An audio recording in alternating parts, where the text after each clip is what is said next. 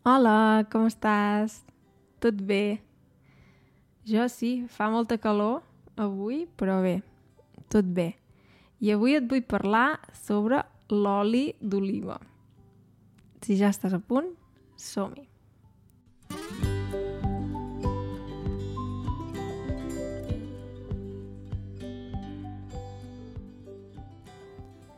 Com molts de vosaltres sabeu, suposo, la dieta mediterrània inclou l'oli d'oliva. L'oli d'oliva és molt important a la dieta mediterrània i, de fet, jo consumeixo molt oli d'oliva sempre amb, amb les amanides. Amanides és amb tomàquet, amb cogombra, tot això. M'agrada molt fer servir oli d'oliva. I també el faig servir per cuinar, de vegades si faig sopes o sí, cremes de verdura, sempre trobo que, que té bon gust i pel que sembla és molt saludable, no ho sé. A mi m'agrada molt, jo crec que m'agrada perquè sempre, no sé, de petita ja menjava pa torrat amb oli d'oliva i sal i de vegades amb tomàquet, el típic pa amb tomàquet, però per fer-lo bé necessites oli d'oliva. sí. I llavors una cosa per, per les persones que utilitzen maquillatge, una cosa que va molt bé, que molta gent no sap, uh, per exemple, si vas al carnaval i tens la cara pintada i el dia després et vols treure el maquillatge o, o la nit abans d'anar a dormir, uh, l'oli d'oliva va molt bé per treure maquillatge i a més és molt suau per la pell, no, no fa mal a la pell. Doncs jo, per exemple, que utilitzo maquillatge, abans d'anar a dormir amb una mica d'oli d'oliva me'l trec i va molt bé per la pell. Si teniu pell sensible com jo, us pot anar bé perquè no fa mal a la pell l'oli d'oliva. Uh, llavors, per mi, l'oli d'oliva és una cosa essencial per, per cuinar i també per quan faig amanides o per quan menjo pa.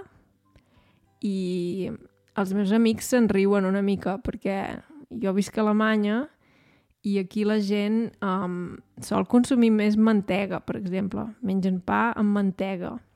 Amb mantega. Però a mi la mantega mm, no m'agrada gaire i sempre m'hi poso oli d'oliva. I sempre diuen que, que exagero una mica, que n'hi poso massa. O sigui, que una mica menys aniria bé.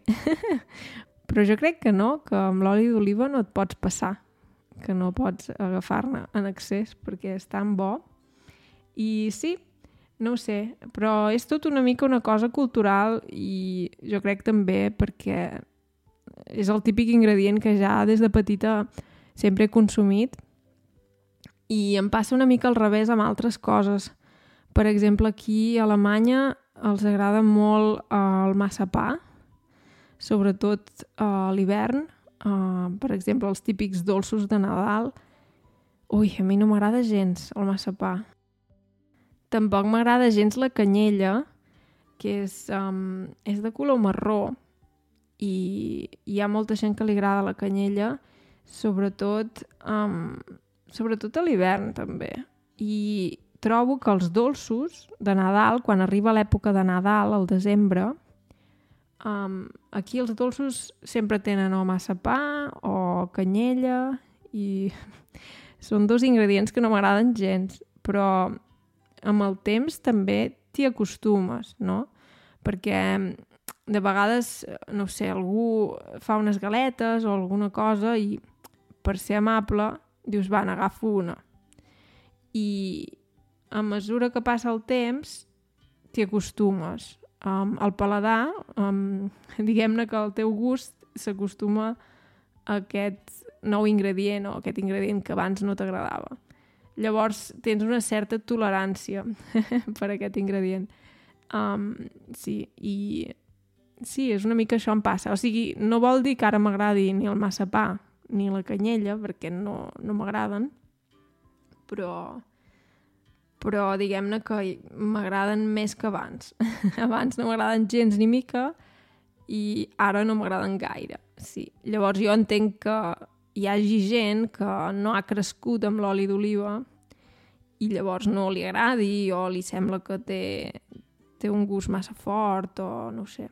Però a mi m'encanta, jo cada dia consumeixo uh, oli d'oliva. Podria fer un anunci, un, un anunci d'oli d'oliva perquè m'encanta, sí. Molt bé, um, doncs res, mira, avui hem parlat d'això. Uh, si em vols escriure un missatge ho pots fer a l'Instagram o al canal de YouTube i res, espero que t'hagi agradat aquest episodi i si és així el pots compartir amb gent que pensis que li pot interessar. Molt bé, doncs moltes gràcies i que vagi bé. Adeu!